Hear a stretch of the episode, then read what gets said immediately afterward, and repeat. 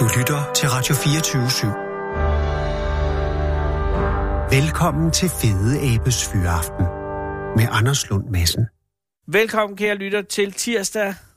Det ved du godt, fordi du sidder midt i den. Jeg sidder her for sidste tirsdag i en virkelighed, der er allerede en uge gammel, og derfor måske slet ikke eksisterer mere, øh, hvis der er sket en katastrofe. Det håber jeg ikke, der er. Også fordi det ville forhindre dig, kære lytter, i at høre fortsættelsen af rejsen mod katastrofe nummer et. Rejsen, de 40 fedeste katastrofer, som vi startede indledte i sidste uge med katastrofe nummer 40, som jo var...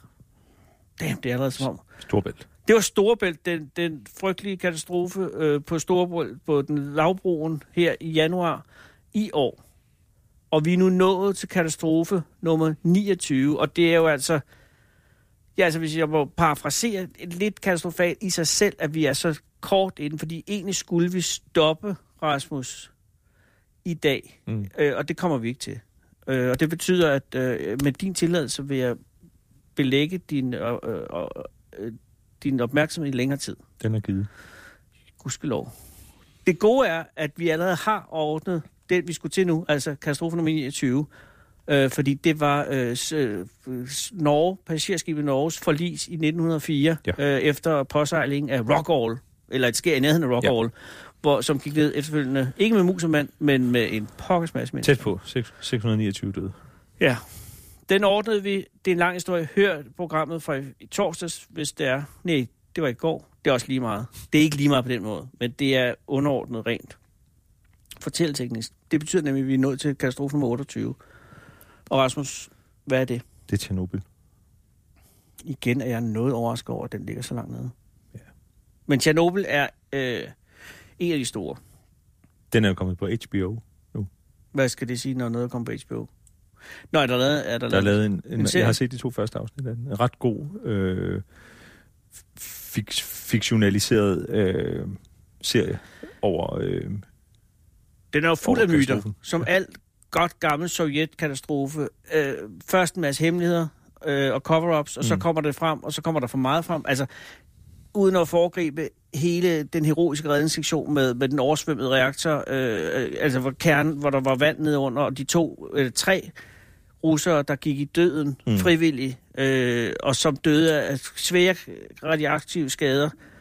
Hvilket jo er en fed scene i serien. Jeg kan anbefale den. Men, men det viser bare, at det var bare en løgn, fordi de, der var ingen af dem, der døde. Ikke af det i hvert fald. Nej. Nej. Nå, men tilbage til... Og, og det er jo også derfor, der, der var forholdsvis... Altså, det er 86. Det er 86. Olof Palme er lige død. 26. april øh, 86. Øh, og det er jo bag jerntæppet. Ja. Og, og det er jo også, som du selv siger, ikke? Altså, det er jo, øh, det er jo hemmelighedskræmmeri, og det er misinformation og øh, forsøg på at lægge låg på fra de sovjetiske myndigheders side. Lige for start. Så, så, så øh, man, vi opdager det jo først i Vesten, da der er øh, nogle svenske atomkraftværker, der begynder at måle lidt, lidt ekstra øh, stråling ja. altså, øh, fra, øh, fra baggrunden. Ikke? Og de, man, man begynder at kunne måle... Øh, altså, det, det har sådan en fingeraftryk, stråling. Altså, du kan, du kan simpelthen måle videnskabeligt på den her stråling, og se, hvad det er for en strålingskilde, der er. Og ja. det finder man så ud af øh, et døgn eller halvandet efter øh, den første hændelse på Tjernobylværket, at øh, det må være et sovjetisk atomkraftværk, den her stråling ja, fordi kommer den, fra. Den øh, radioaktivitet, eller, den kommer fra, fra noget strontium, de ikke selv bruger. Ja, præcis. Så, så det ved man ligesom, at det, det må komme derfra.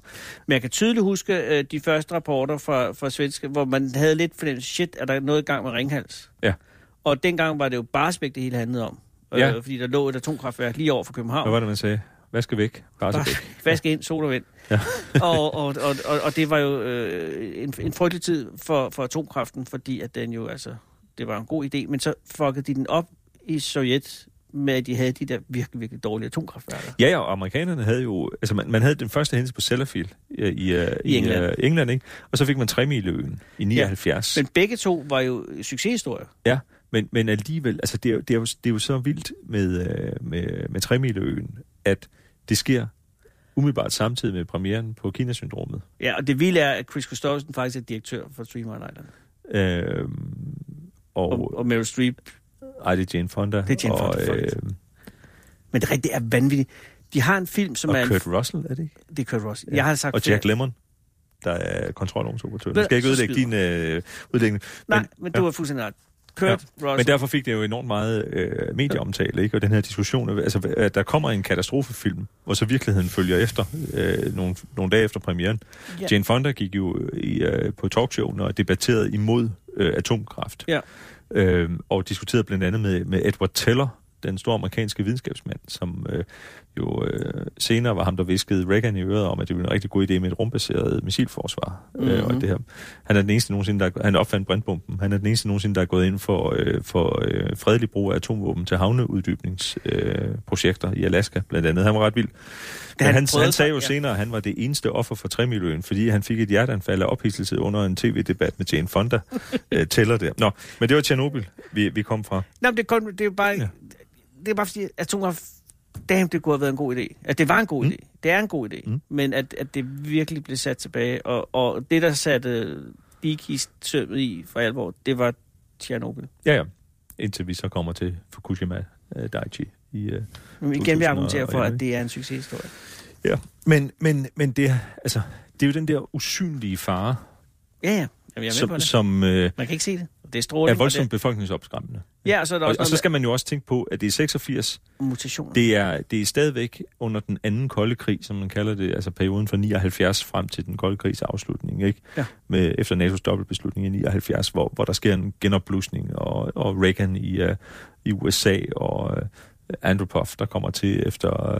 Uh, uh, Tjernenko. Uh, nej, uh, hvad hedder han? Uh, Brezhnev Brezhnev. i Og 82. så kommer Tjernenko efter. ikke? Og så kommer Tjernenko, og så uh, Gorbachev i Tjernenko 85. er klinisk død, han kommer. Ja, det er han jo, øh, men det kan man jo se under den der indsættelsestale. Ja. Ikke? Man sagde jo også øh, der på, øh, ved, da han da Andropov døde i 84, så var der en, en øh, taxifører til en anden, der sagde i Moskva, Nå, skal du til generalsekretærens begravelse? Siger den anden, nej, jeg tager den næste.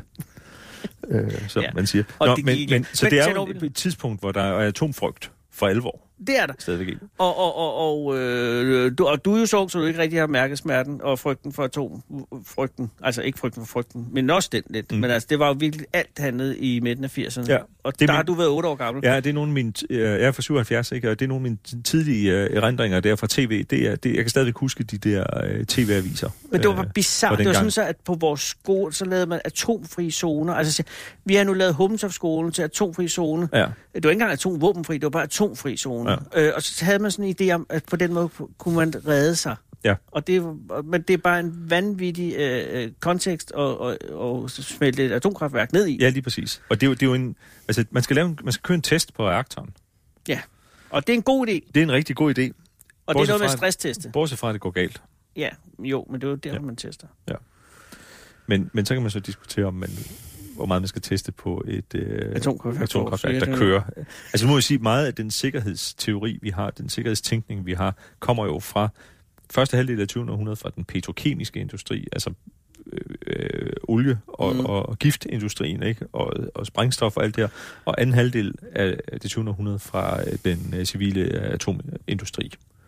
Altså alle de her standarder, alle de her måder at tænke risikostyring på, fordi ja. man godt var klar over, at, at atomkraft er meget sikkert, fordi vi passer meget på. Ja. Fordi at risikoen, de potentielle konsekvenser, altså risiko siger man jo er, er en ligning, der består af, af sandsynlighed gange konsekvens. Så, så sandsynligheden er meget lille, men konsekvensen er meget, meget, meget stor, hvis der sker noget. Yes. Derfor går man ingen, laver man ingen lette løsninger med atomkraft. Ikke? Men mindre man er russer. Men mindre man er russer. Øh, og så, og så jeg kan, nu tænker jeg bare på den der HBO-serie, det, altså, hvor de, det, det er meget fint, altså, hvor, de, øh, hvor, de, øh, hvor de siger, jamen vi gjorde alt det rigtige. Altså de trykkede på alt det, og de har meget travlt med at få ligesom ført til protokols, at det var i hvert fald ikke dem, der trykkede Nej. på noget forkert. Ikke? De har bare gjort, hvad de fik besked på. Men, men, øh, men der sker jo en eksplosion øh, i værket, Mm. og, øh, og øh, øh, selvom man øh, ikke vil erkende det umiddelbart, så bliver en del af kernen i atomreaktoren blotlagt. Og det kan, ser man jo ved, at der ligger grafitstumper på taget. Og grafit, der findes kun grafit et sted på et atomkraftværk, nemlig inde i reaktorkernen. Mm. Fordi det sidder på de der kontrolstave, man bruger. Det er jo sådan nogle...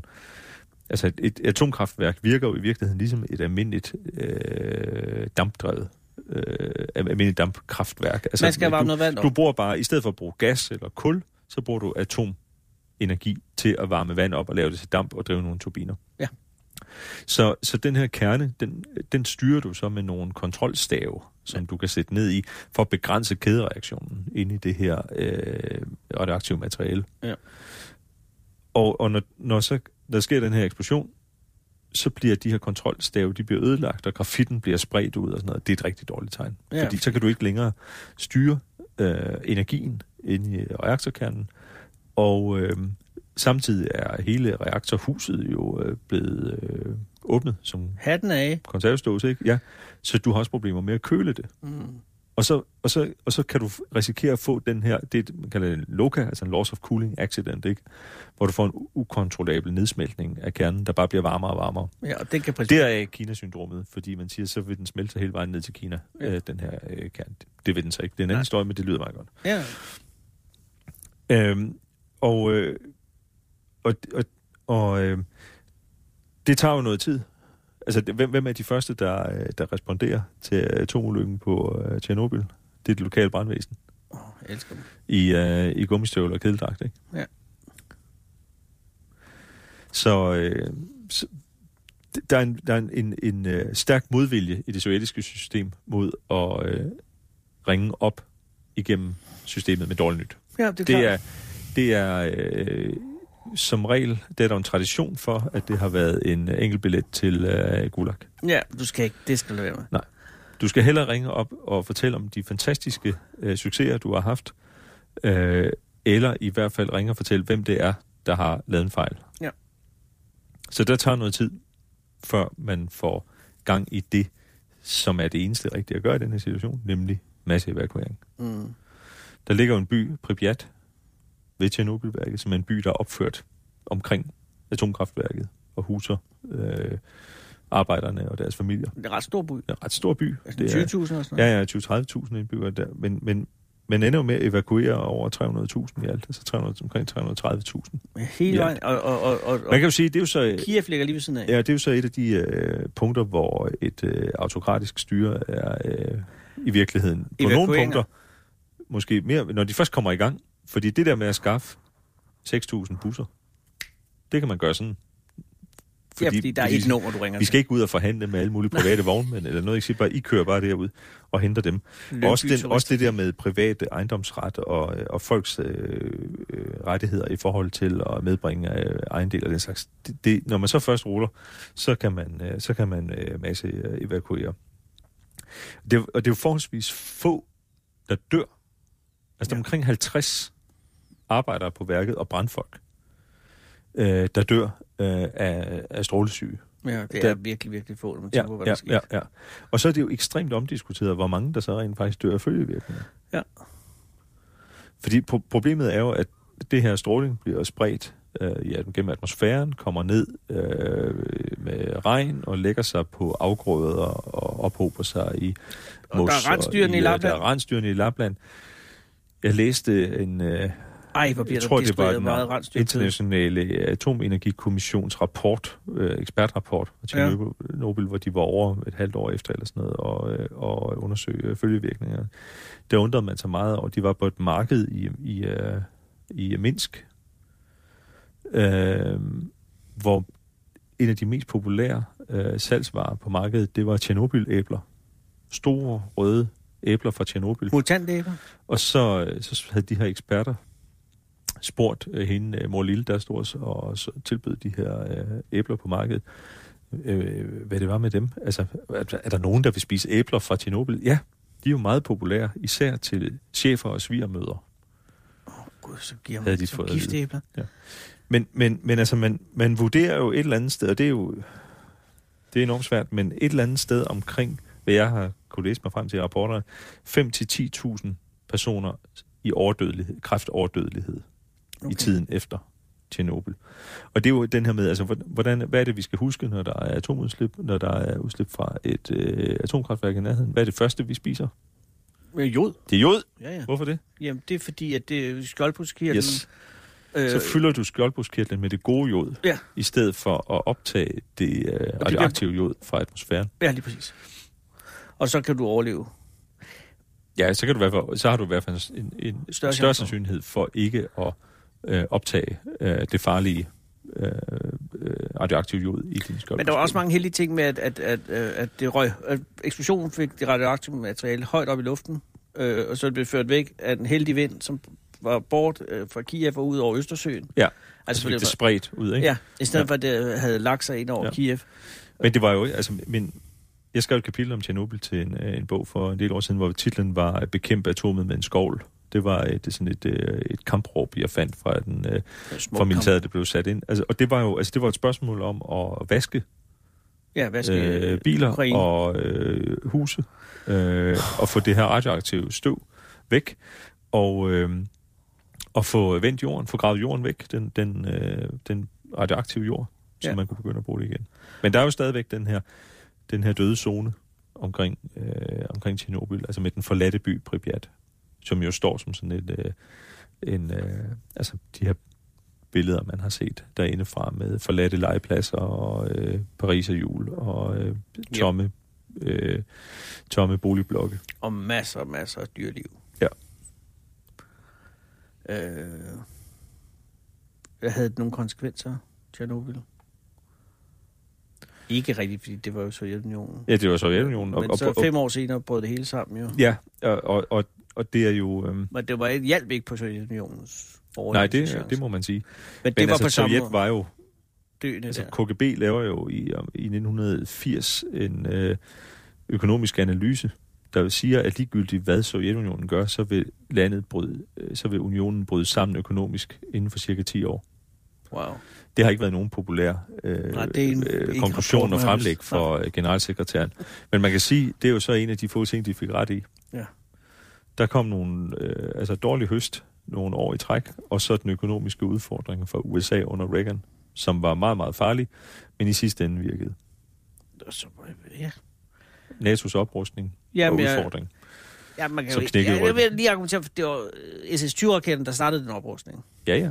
Og så var det et svar. Men altså, Så jeg kom de gik, jo, 572 Pershing 2 og Tomahawks. men jeg gik jo altså fredsmars Mm. mod Paris. Men, men, men, men ja, det var fandme ikke mod de sovjetiske raketter. Nå, men det er en katastrofe nummer 28. Ja. En øh, væsentlig Whop- Whopper er en katastrofe. Hvad med 27? Det er et luftskib. Hindenburg? Nej. Nå. R101. Jeg lytter. Det er mindre kendte øh, Også fordi luftskibsstyr. nav- navnet ikke er så fedt. Ja, ja lige præcis. Vi, er, vi, er, vi kommer til Hindenburg også. Øhm, 5. oktober 1930. Mm-hmm. Britisk luftskib. Man, man, R101. Man lavede en øh, konkurrence i midten af 20'erne om at lave det bedste luftskibsdesign. God idé. Fordi man ville etablere fast luftskibsforbindelse ud til alle ender af det øh, britiske imperium, for at holde Mm. mm. sammen på det. Mm-hmm. Så man, man skulle flyve øh, fra, øh, fra øh, England øh, til øh, Karachi over øh, Istanbul, mener jeg, hvor man havde fortøjningspæle til de her kæmpe luftskibe, som, som tyskerne jo, øh, Graf von Zeppelin, jo øh, især havde øh, stået for udvikling af omkring år 1900 frem op under 1. verdenskrig. Ja. Så laver man en konkurrence, hvor man får et, øh, et statsligt projekt til at konkurrere med et privat projekt. God idé. For ligesom at Ja, ja. en lille good old gentleman competition. Sports, sportsmanship. Og, øh, og der er ingen tvivl om, at det, øh, det private initiativ er klart det bedste for Vickers. Ja. Det og er, Vickers er jo et produk- Det er jo så det andet. af vidunderlige Ja. øh, jagerbomber. det hedder R100. det er det statslige. Det er det private. Nå, det er det privat. men, øh, men man vil gerne, rigtig gerne have, at det er det statslige, der er det bedste. Mm, Ja. Øh, så, øh, så det ender med at være det, der skal det statslige projekt R101, som skal flyve øh, luftfartsministeren Sir Thompson til Indien her i øh, oktober 1930 på sin prøveflyvning. Det kan faktisk ikke rigtig blive godkendt, fordi øh, det kan ikke rigtig flyve. Men man får sjovt nok presset en godkendelse øh, igennem, der ankommer med motorcykelordonans på dagen. Og igen, hvis jeg lige må sige en ting. Hvis nogen inviterer dig med på en jomfrurejse, en, en, en første flyvning, ja. et eller andet, så sig, jeg kan ikke den Nej. dag. Lad være at tage Nej. med på den første tur. Især hvis han i, med på luftskibet medbringer øh, sølvtøj til øh, et halvt hundrede mennesker, og store mængder ægte tæpper og et, og et flyl. Så, Et flyl? Ja, Ja. og det havde problemer med, med opdrift i forvejen, det Ja. her, øh, det her øh, luftskib. Problemet var, at man havde puttet en hel masse ny, uafprøvet teknologi ind i det, hvor det private luftskib, det byggede meget mere på, på hyldevarer. Ja. Øh, Men fint skal det være, ikke? ja, ja. Man kan i bukser være. Man brugte jo hænder fra øh, kalve blindtarme til, øh, til de her øh, gassække. Der, Ja. der går altså mange til, skulle jeg helt sige. Det er 270 meter langt, det her luftskib. Ikke? Så er det ned af. Altså, det var mange, mange hundredtusind øh, st- øh, stykker kvæg, ikke? Altså, det var stort set alt, hvad øh, Chicago kunne, kunne opdrive, ikke? I, øh, i årvis, hvor man så bare hævde hænderne af de blindtarme der. Hvorfor lige blindtarmsind? Ja, de er super de bare gode. fungerer virkelig godt Okay, til godt. formålet, ikke? Vi får et fly ja. ind, vi får nogle tæpper op, ja. Så vi har, vi, øh, og får vi har lidt overvægt, ikke? Og så, øh, så flyver R101 afsted, øh, kommer øh, ned over Frankrig, til, øh, i nærheden af Beauvais. som laver vidunderlige dåsevarer. Ja, det, var, Det er så det er så danske. i Danmark, Ja, ja, det var Jean Beauvais. Øhm, så, øhm, så mister man opdrift. Øh, luftskibet øh, rammer med snuden Ja. ned i øh, en øh, våd klormark. Åh. Ude i spidsen af luftskibet ligger der nogle fosforgranater. Apropos, hvis opmærksomme lyttere stadigvæk kan huske vores snak om øh, Ja, ulykken på gejser. Gejser. Hvad er det, fosfor gør? Ja, Det brænder. Det, det brænder, og det brænder gennem vand. Ja, det gør det nemlig. Så de her granater, det er nogle, man bruger til at kaste ned i vand, så du kan måle øh, hastigheden i forhold til overfladen, når du, når du flyver Åh, over smart, havet. Så kan smart. du smide sådan en fosforgranat ned, så ligger den og brænder ned i vandet. Så kan, du, så kan du se, hvor højt op du er ved at måle, hvor lang tid der går, før den rammer vandet, og så kan du også måle din hastighed. De ligger i et depot ude i spidsen af luftskibet, og de antænder så, da den rammer. Og det er noget lort. Det er noget skidt, fordi hvad flyver øh, R100? På det tidspunkt på- vil jeg skyde på brint. Ja, jeps. Problemet er, at helium er jo en øh, ædelgas, som ikke øh, brænder, ligesom, øh, ligesom øh, brint. Brint, men den er bare dyr, Men ikke? øh, frygtelig dyr øh, produceres øh, på det tidspunkt øh, stort set kun i USA, som har øh, indført en eksportembargo på, øh, Protektionismen igen. på, øh, på helium. Så man flyver på brint. Så der går ild i øh, luftskibet. Jamen, hvorfor har du fosforgranater lige ved siden af en Ja, masse brint? fordi det har man så. Der er 54 ombord besætninger og, Og et fly. og, øh, og øh, pa- passagerer besætningsmedlemmer. Der er en af de ombordværende, et besætningsmedlem, som står i rygerummet. Man har et rygerum Jamen, det ombord godt- på. det- Det, er jo hvorfor ikke? Lad os få det. 1930, ikke? Han står inde i kabinen. Kabinen den er sådan bygget dels ind i luftskibet, så hænger den lidt ned under os, den her gondol, ikke? men den Ja. er også bygget ind i selve... Så et luftskib, altså en Zeppelin er jo et luftskib med, med fast skelet. Der er sådan Ja. et meget, meget let aluminiumskelet, og så ligger der gassække indeni. Uh, så i modsætning til et, uh, sådan en, en, uh, et uh, de der sådan Goodyear luftskib, som bare er i virkeligheden en, Blimps. en, uh, en blimp, nemlig, som bare er et oval ballon. Ja. Men så er der her et skelet inde i, så du kan gå rundt inde i, uh, i, i, uh, i luftskibet. Han står inde i rygerummet, så flækker hele kabinen, der luftskibet så ryger han ud. Men der er jo kun én lighter ombord. Den er fastgjort med en kæde til bordet inde i rygerummet, for man skal ikke der, og der, der er så sat, øh, sat øh, tryk på, øh, på øh, rygerummet her, så man ligesom kan kontrollere atmosfæren derinde. Og. Så, han, så flækker den åben, og så ryger han ud og ned i et træ, som er vådt, så han bliver aduk, så han bliver gennemblødt, og så brænder luftskibet og falder ned over ham, og han overlever. Der er, der er 46 af de ombordværende 54, der omkommer deriblandt øh, luftfartsminister Lord Thompson, som mm. skulle have været til Indien for at blive indsat som vicekonge, altså guvernør i øh, Indien. Det interessante ved, øh, ved R101-katastrofen, det er, at øh, det betyder, at Storbritannien lukker hele deres luftskibsprogram. Så, så i forhold til luftskibsæren, så er det i højere grad R101, der slutter luftskibsæren, end Hindenburg syv år senere, som vi vender tilbage til, for den er også interessant. Fordi britterne simpelthen siger, altså R100, det andet skib, det bliver også bare, det bliver hugget op. Selvom det var et, et af de bedste zeppeliner, der nogensinde er bygget, eller, eller luftskibe med, med fast krop. Øhm, man simpelthen siger, det her, det skal vi bare ikke bruge. Nej.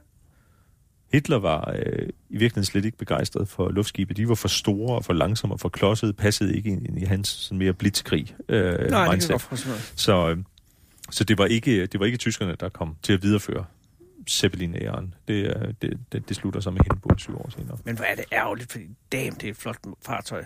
Forestil dig mig. Fantastisk øh, fartøj. Og, øh, og man, man har jo eksperimenteret med at bruge store luftskibe til blandt andet transport af havvindmøller Nå, ja. øh, i dag. Ja. Men problemet er bare, at de er øh, store og klodsede og besværlige og sårbare. Ja. ja, så kommer der en eller anden pik i og, og, og, og, så har man hul på det hele. Må han hvile i fred? Lord Den- Thompson. Lord Thompson aldrig blev viceroy i Indien. Ja. Hvad er der 27? Hvad er 26'eren? Det Geos Dage. Kan du mærke, at der er mo- momentum i det her nu? Ja. Geos Dage, Det kan, være, det kan være, at vi kommer igennem inden sommerferien. Det skal vi ikke være sikre. Ja. Geos Dage... Øh, Geos Dages forlis. Er det... Skoleskibet. Ja, jeg er med, men Ja. ja. den er sgu ikke forlist. Nej, det er fordi, der var en før den. Det var en før. Det var det gamle Geos Dage. Og hvor... hvor Stiftelsen, er jo, stiftelsen Geos Dage er jo tilbage fra 1880'erne. Så får man det her, øh, det her, øh, det her sejlskib, man får bygget, som øh, uddanner unge mænd, ja. unge drenge. Og øh, i øh, juni, den 25. juni 1905, der er det gamle Geos Dage på vej ind til Københavns Havn Mm. og kolliderer øh, uden for havnen med en engelsk damper, Ancona, som sejler lige ind i siden på den. Ancona er øh, altså et motoriseret skib. Ja, det er et, da- et dammskib. Og Geos Dage er sejl. Det er, det er et sejlskib. Okay. Øhm, Ja, så er det Anconas skyld. der er, øh, ja, der er, øh, er øh, altså efterfølgende, man laver selvfølgelig søforhør på det her. Til sydlande, man skal sige, der er ingen tvivl om, at det er, at det er øh, i praksis øh, skiberen på Anconas ansvar, fordi det er ham, der øh, kommer dampende med øh, for maskinkraft her. Men han får ikke, der bliver ikke noget øh, retslig skyld pålagt. For, på grund af afdrift kunne det være vanskeligt for ham at se præcis, hvilken kurs Geos Dage sejlede ud fra lanterneføring og så videre, nogle teknikaliteter. Men det ændrer jo ikke på, at Ancona sejler ind i siden på, øh, på Geos Dage. Der er, øh, Men det lyder umiddelbart ikke så katastrofalt. At der er jo- 80 drenge ombord, og så er der en, øh, en lille besætning af nogle voksne, som øh, uddanner. Og, øh, Jo, de jeg, her, er- jeg er med på, at der er potentiale til en katastrofe, men der er jo hver dag skib, der sejler ind i hinanden. Ja. Og Men sjældent det- sker der noget særligt Men, men, det er en, men det er en kraftig kollision, og der bliver Okay. slået et stort hul i siden af Geos Dage. Der er nogle få af drengene, som rent faktisk hopper direkte over på stævnen af Ancona. Wow. Men den, den glider så ud af hullet igen, og så er der jo bare hul lige vejen, øh, hele, hele vejen ind i skroget. Så den fyldes hurtigt med vand og synker. Og, øh, og der er 22 af drengene, der dør Wow. ud af de 80. Rigtig mange af dem finder man i vraget, øh, omkring vraget, viklet ind i tovværk og sejldu. Fordi det er jo et, det er jo et, et virvar af nedfalden øh, taklage og øh, sejl og, øh, og, og tovværk på dækket. Plus he, de her drenge, de sover jo i hængekøjer. Mm. En del af dem har ligget i deres køjer. Det er ikke noget godt sted at blive fanget. Sådan et, øh, et stort rum med øh, hængekøjer på kryds og tværs. Nej. Øh, når skibet hurtigt går ned. Så der, der er 22, øh, 22 af de unge drenge, der, øh, der dør. Det lykkes faktisk at få, øh, at få hævet Gives det gamle, og få det øh, flikket sammen igen, og man sejler videre med det frem til, øh, til 1934, hvor man så får bygget et nyt, det nuværende Gives Dage. Ja. Og, og, og der bliver ikke placeret noget ansvar? Ikke, ikke retsligt. Nej. Men, men det bliver der jo så især i den danske presse. Det er klart, der er det... Den bliver dækket hæftigt, øh, den, her, øh, den her sag.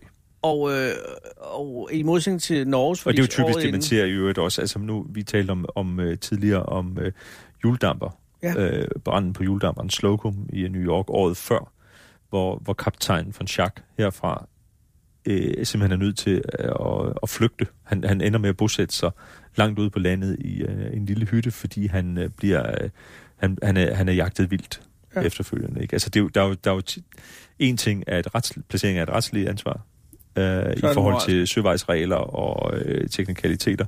Noget andet er øh, den, der stod berettet på det skib, der forårsagede kollisionen, eller øh, tog den fatale beslutning, som det var tilfældet med, med juledamperen. Han giftede sig i øvrigt ham for juledamperen med, med sygeplejersken, der passede ham. Han var blevet forbrændt på hænderne ja, af at holde rettet. Er jeg holdrettet? Ja. Han prøvede, Rasmus. Mm. Men i øh, Anconas tilfælde, øh, så er der ingen konsekvenser for... Øh, Nej, men det er jo, det er jo, en, det er jo en, øh, en, en, en kaptajn på en damper, som øh, formentlig ikke skal anløbe København igen. Nå, men jeg tænker mere på, at det betyder ikke noget om, at, at, at der bliver ikke ændret søfartsregler, der bliver ikke ændret regler for Nej. torværk. Øh, Nej, og, fordi, og fordi det, der er jo også en... Altså, igen det her med forskellen på ulykker og katastrofer. mm-hmm. Altså, hvis der sker, der sker trafikuheld hver dag ja. Ja. på de danske veje, uden at vi ændrer øh, afmærkning, hastighedsgrænser. Ja. Så, så er der en dobbeltdækkerbus, der kører ind i en bro. Så får vi sensorer op og blinklys. Ja, det, Ikke? Altså, så, så, øh, så, så i det her tilfælde, så har man, så vi har vurderet, at vi har egentlig nogle øh, udmærkede søvejsregler.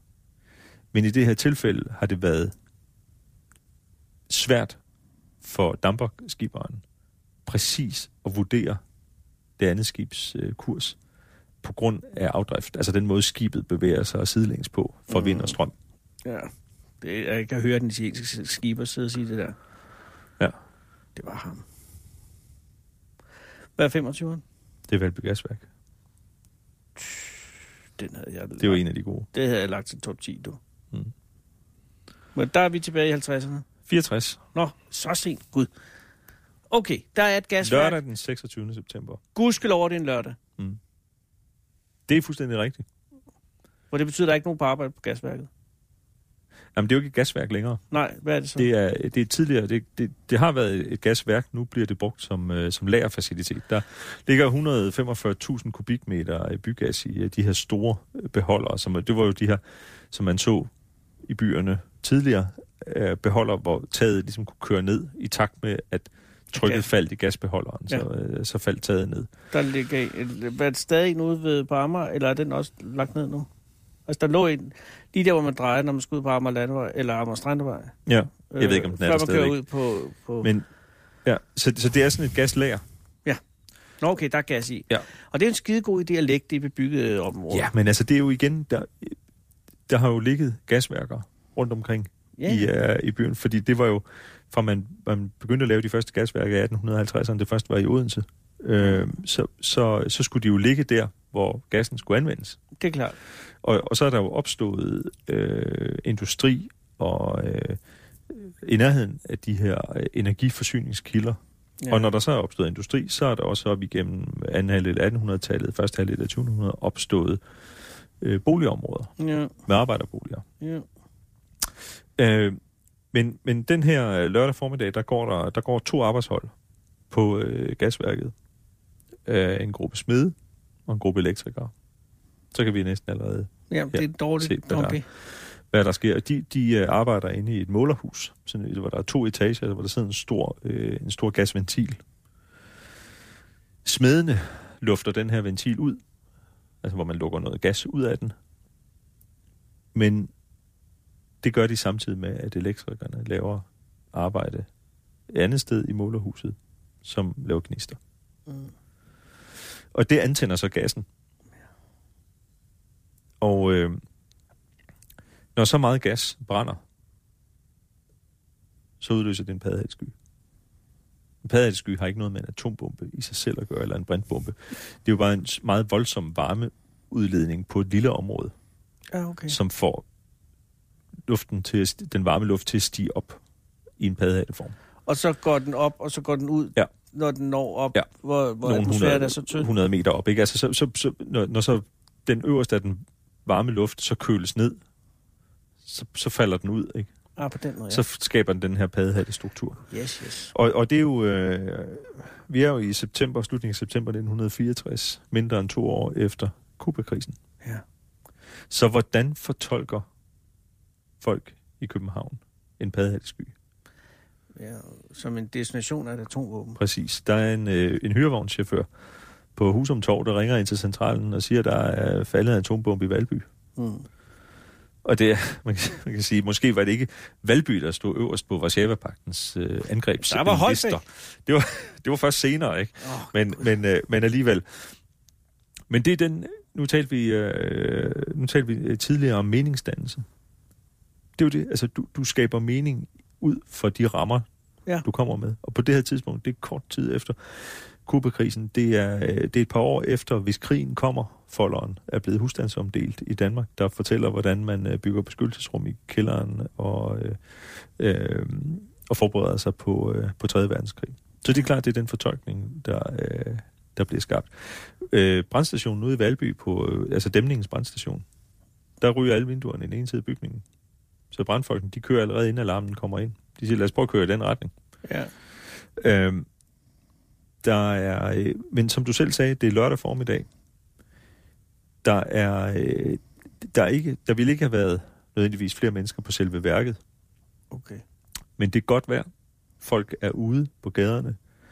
De har ladet vinduerne stå åbne derhjemme, hvilket betyder, at trykbølgerne kan gå igennem bygningerne. Der bliver, der bliver smadret måske 100.000 vinduer, men det kunne have været meget, meget værre. Fordi at, at rigtig mange af bygningerne i virkeligheden tillader trykbølgerne at gå igennem Ja. på grund af de åbenstående vinduer. Der er er masser af beretninger fra folk, der flere år efter finder stadigvæk store glasskår, øh, sådan, øh, der er gået ind igennem et, øh, et køkkenskab og sidder boret ind i en øh, pose havregryn eller noget. Ikke? Altså, men, men fordi mange folk var på gaden, så er der faktisk kun fem, der dør. Og det, Der- det de arbejder? Der, nej, der, der er tre arbejdere, der dør. Er det elektriker eller smed? Ja, ja, ja, ja lidt af hvert. Okay. øh, så vidt jeg husker. Og så er der en øh, pensioneret overbogbindermester, som står inde i, øh, i bærforretningen på øh, Vierslev Allé og får et hjerteanfald af chok. Mm. Og så er der en skolelærer øh, fra den nærliggende skole, som øh, på cykel flere kilometer væk får et tag ned over sig, der blæser af, og han dør så ef- efter et langt øh, forløb på sygehuset øh, af sine kvæstelser. Ja, det er også interessant med skolen. Der ligger Lykkebogsskolen, som ligger lige ved siden af, af gasværket. Ja. Øh, det er lørdag, så der burde jo være elever. ja, fordi på det tidspunkt har man jo under... Fordi der er ikke øh, lørdagsfri endnu. Man er, man er begyndt at køre eksperimenter med lørdagsfri, Nej. men ikke på Lykkebogsskolen endnu. Men der er ikke nogen elever i de små klasser, som lå lige ud til, øh, fordi øh, skolen er under ombygning. Der, er- der er, man, man kan simpelthen se inde. Øh, jeg har talt med en af dem, der var elev på Lykkebogsskolen, og han var nede og se sit klasseværelse efterfølgende, der hvor... hvor øh, Øh, og nej, jeg tror, det var anden klassernes øh, klasseværelse, han fortalte om. Han havde været inde og se, hvor de tunge luftspjælker var faldet ned over pultene. Og Mm. der var øh, øh, glasskår, der var boret sig ind i stoleryggene som, øh, som spyd. Så igen, Murphy tager fejl. Jamen, det kunne være gået meget værre. Men det er for vanvittigt, at der ikke er øh, eksisterer et billede af en paddehatsky. Altså havde det været i dag, ikke, så havde der Mm. været en milliard dokumentationer. Ikke? Mm. Jeg har i hvert fald aldrig set et billede af den. Nej. Øhm, Og det er simpelthen, at den har jo stået på himlen i nogle minutter. Jo. Ja. Øh, det, det interessante er jo også, øh, at man får, man, man får faktisk testet øh, en stor del af beredskabet. Ja. Ved at, øh, at det første, man gør, øh, da eksplosionen er sket, stort set, det er jo at bestille øh, 800 måltider gulasch hos øh, Civilforsvaret. Altså, man, man, man iværksætter simpelthen planerne for, hvad man skulle øh, gøre i Civilforsvaret i tilfælde af 3. verdenskrig. Nå, så, og det er Fordi gulasch. man ved, at man, når der sker en, en eksplosionsulykke af den her størrelse, så får man rigtig mange folk, som ikke kan øh, være i deres lejligheder. Så man har brug for at indkvartere en hel masse mennesker. Selvfølgelig. Man har brug for at fodre en hel masse mennesker af. Og det, var- det var jo det, man havde civilforsvaret til. Ej, jeg elsker civilforsvar. Så man aktiverer de her øh, civilforsvarskolonner øh, med, øh, med øh, i forhold til, med, altså gulaschkanonerne. Ja, ja. og i forhold til øh, oprydning, afstivning, indkvartering osv. Men, men altså, jeg tror... Jeg har i hvert fald slet ikke forståelse for, hvor stor den eksplosion er. Altså, mm. hvor stort brag det er, og hvor, og, og hvor meget... Altså, 175.000 kubikmeter. Er det, du siger? Ja, nej, 145.000 øh, Nå, det er kun 145.000 kubikmeter, ja. Altså, det er jo virkelig, Og det er bygas. er det jo altså, ikke det er en jo bygas. eksplosion, altså det er en gasbrand. Ja, men, altså, det er, jo- ja, men det er, en- wuff, det er en varmeudvikling, som ja, er, er der er enorm. øjenvidneskildringer, øh, der, der fortæller, hvordan, altså, hvordan folk stod og så. Altså, der, der sker jo noget med os, at når, når der sker så voldsomme ting, så bliver vi øh, vores perception skærpet, Ja. så vi føler, at tiden går langsommere. Ja. I virkeligheden er det bare for, fordi vores hjerne øh, optager mange flere informationer. Så, så, øh, Så der, der er vidner, der har fortalt om, hvordan den her tank sådan ligesom først trak sig sammen, og så bulnede den ud, og så røg taget af. Mm. Altså det så de simpelthen. Det er... Og, og hvor varmt har det været? Altså på solens overflade er der omkring 8.000 grader. Det er langt over det jo. Nej, det er det ikke. Det tror jeg. Nej, det tror jeg ikke. Nå, okay. Det skal vi vende ja, tilbage til i et kommende afsnit. Ja, ja, ja. Er du sikker? Men, men, øh, men det er jo, altså Valby Gasværk er for folk, der boede i Københavnsområdet i midten af 60'erne, et JFK-moment. Det er et JFK-moment, ja. Hvor alle kan huske, hvor de var. Mine forældre vidste det lige. Ja. Og det er også, fordi det er en stille lørdag formiddag, og mm. siger, kabum! Hvad er nummer 4? Hvad er nummer, hvad er nummer 23? 24. 24, oh, Jesus. Hvad er nummer 24? Det er German Wings. Okay. Den er hurtig. Flight 95-25. Ja. Er det ham? Ja, det er ham. Det er tyskeren. Oh, 24. marts 2015. Uh, Airbus A320. Som er et vidunderligt fly. Som er et dejligt fly. Flyver fra Barcelona mod Düsseldorf. Mm. Med 144 passagerer og 6 besætningsmedlemmer ombord. På et tidspunkt, da man flyver i uh, hen over Alperne. Almindelig. Skal uh, skiberen på toilettet. Ja. Så han rejser sig, går ud af cockpittet, forretter sin uh, nødtørft, og så er døren låst. Og han banker på, og der er ingen, der åbner. Og han banker hårdere, og flyet begynder at dale. Og grund til, at du ved det, er, fordi det kan man jo høre på optagelsen. Det kan man høre på optagelserne. Og jeg tænker, nu, nu, nu talte du tidligere om det her med at sidde i en bil og køre ud over en bro, ja. der er styrtet sammen. Ja. Altså på min liste over måder, jeg ikke har lyst til at forlade denne verden på, der står scenariet, som her beskrevet meget højt. Altså at sidde i et fly og se omgivelserne bevæge sig højere og højere op uden for mm. vinduerne, bjergtoppene, mens kaptajnen på flyet står og banker mere og mere desperat på cockpitdøren for at komme ind. Og derude, der sidder jo styrmanden, Andreas Lubitz, som med vilje flyver sit fly ned i, uh, i Alperne og slår sig selv og alle de andre ombord ihjel. Og det er jo fuldstændig, altså, det er jo en vanvittig hændelse. Ja, der er mange ting i det, som er uforståeligt. Også, ja, altså, grunden kan jeg ikke forstå, at man ikke kan bryde en dør til et cockpit ned, fordi det, på mig forekommer det at være sådan nogle papdøre. Ja, men øh, det kan man jo ikke, fordi det var der nogen, der gjorde efter september 2008. Ja, så forstærkede man Så forstærkede man dørene.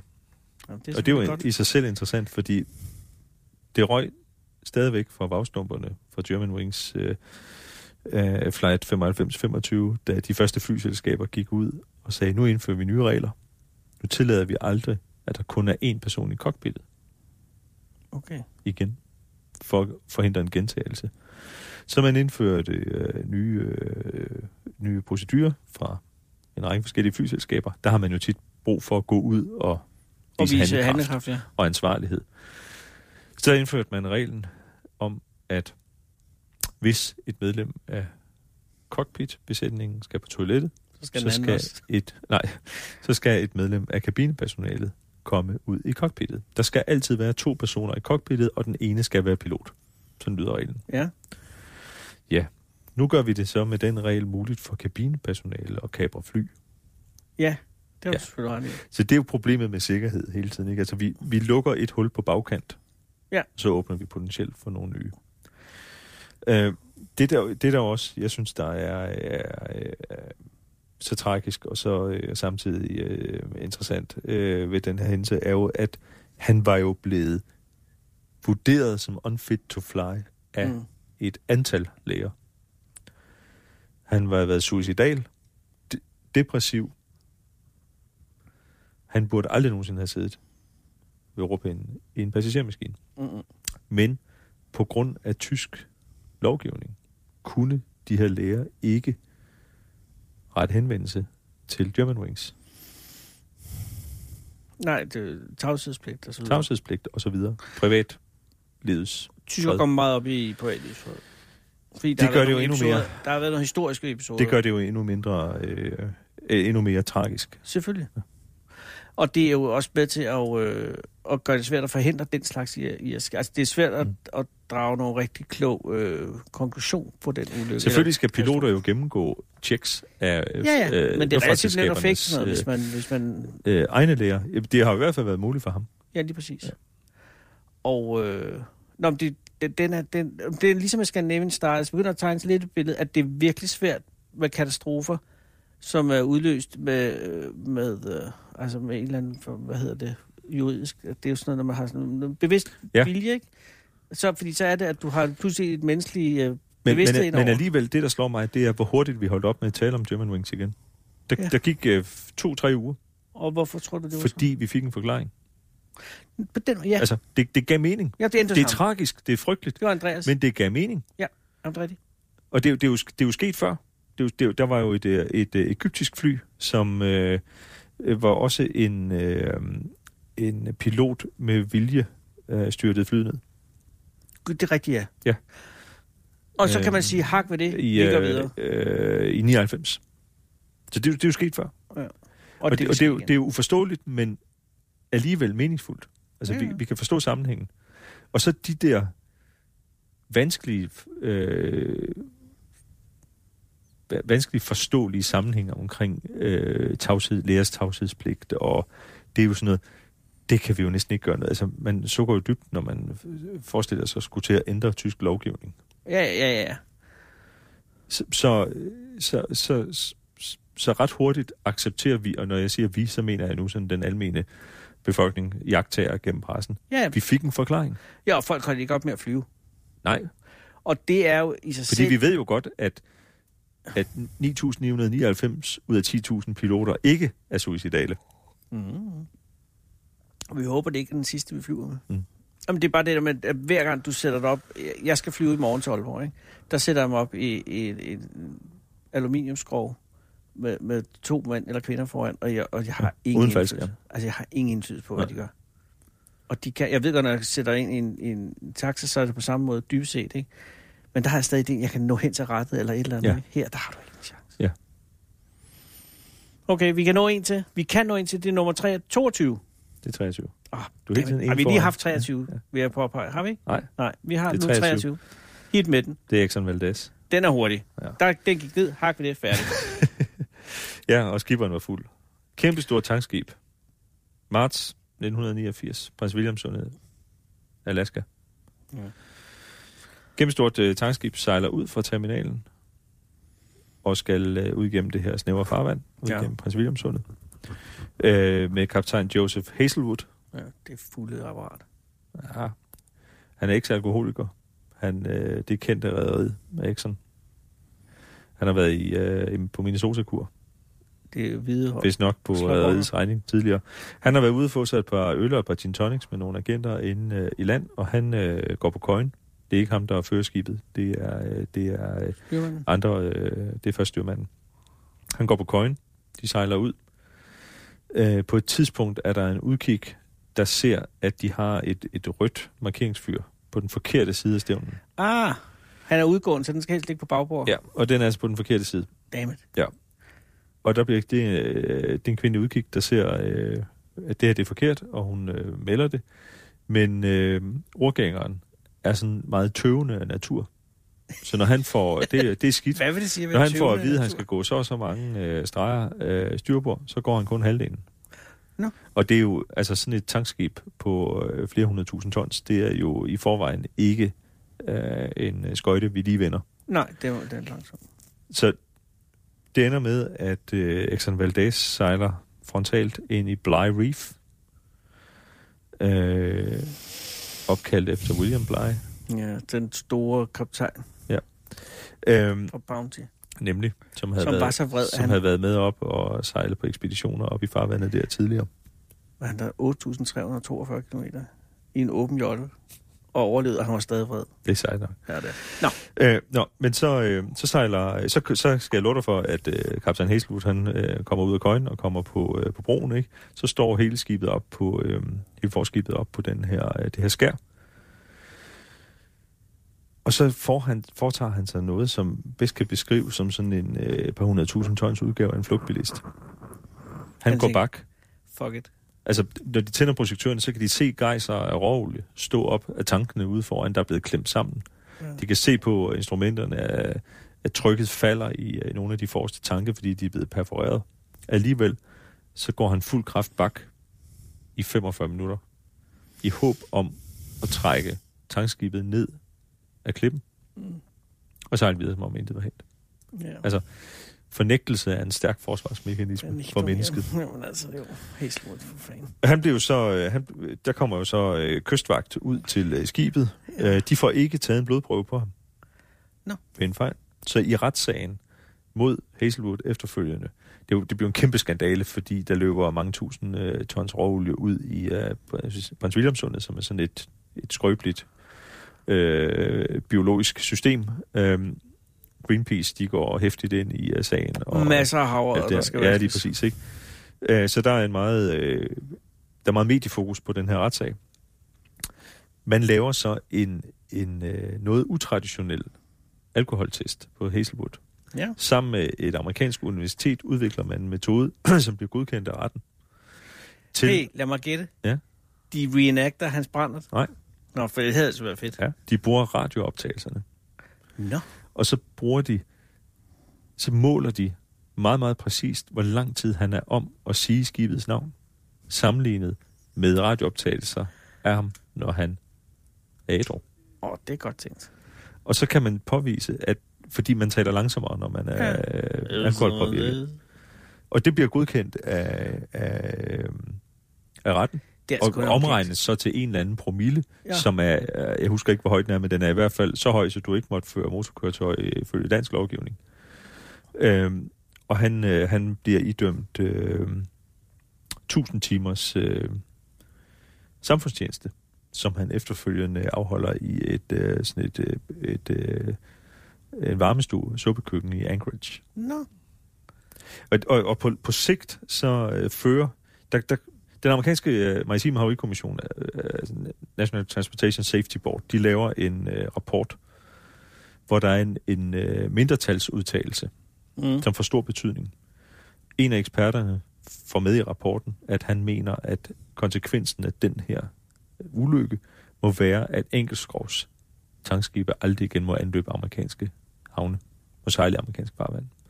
Og det bliver samlet op politisk det, det er et populært synspunkt, der bliver samlet op af kongressen, og det fører til, at man indfører øh, lovgivningen, øh, som siger, at øh, efter, jeg tror det er fra år 2000, må, øh, skal øh, tankskibe, der indløber amerikanske øh, olieterminaler, være dobbeltskråret. Det giver øh, arbejde i, øh, i butikken til øh, Lindøværftet, som faktisk bygger det allerførste øh, dobbelt, dobbeltskåret. Øh, det hedder VLCC, som er en Very Large Crude Carrier. Det, man har sådan nogle forskellige... Uh... VLCC er jo et fedt navn. Ja, det er jo ikke den største, det er en ULCC. Som er Ultra Large. Ultra Large Crude Carrier. uh, men de bygger i 92 uh, det første dobbeltskroget uh, uh, store tankskib. Som jo så også er om, meget omdiskuteret, fordi det havde formentlig ikke gjort nogen forskel. Exxon Valdez, som vejer flere hundrede tusind tons, sejler med 11 knops fart direkte ind i klipskær. Ja. Altså, med mindre det skib havde været lavet af massiv stål, hvilket det jo ikke havde, for så var det sunket i forvejen, så var der gået hul på det. Ja. Altså, dobbeltskrovskibe er gode ved grundstødninger. Ja, ellers man skraver Og du noget. skraber henad, ja. hvor du kan så ødelægge det yderste øh, skrov, og så kan du stadigvæk beskytte din last. Til gengæld, så bruger de jo meget mere brændstof, fordi ja. de er tungere, ja. og de kan medføre en øh, mindre last. Og noget af det, vi ved i dag, det er, at øh, øh, skibstrafik står for en meget stor del af verdens CO2-udledning. Ja, det er noget med en stor, de helt store ULCC'er. Ja. Øh, altså, det er jo mange... Det er jo flere hundrede tusind privatbiler, ja. det svarer til, eller sådan noget, ikke? Ja. ja. Så, det, så det, er jo, det er jo igen det her. Men nu er det, vi ja. er tæt på nyhederne. Nu er vi ude sådan noget Lomborgs øh, argumentation her. Jo, jo, men det er værd til med. Øh, øh, men sur show for havreørderne. Ja, det må man men, sige. Men, men det, der det, skulle vaskes en del der. Men det medførte en enorm forøget bevidsthed omkring havmiljøet. Ja. Som jo der var så også onde tunger, der påstod bagefter, at alle de der øh, Coast Guard-skibe og miljøskibe og Greenpeace protestbåde, de får, der sejlede rundt i Prins i årene efter, de forurenede mere. Ja. Men det er også derfor, at alle øh, hippierne kører rundt i gamle taxaer, som virkelig, virkelig forurener. Det skal vi ikke komme i gang med. Nej. Nu skal vi have nyheder. Og vi er nået ned til nummer 22. Mm. Og det betyder, at vi i morgen, vi bevæger os mod halvdelen, mm. Rasmus. Øh, nu kommer der øh, rigtige nyheder, rigtige katastrofer klokken 17. Du lytter til Radio 24 /7.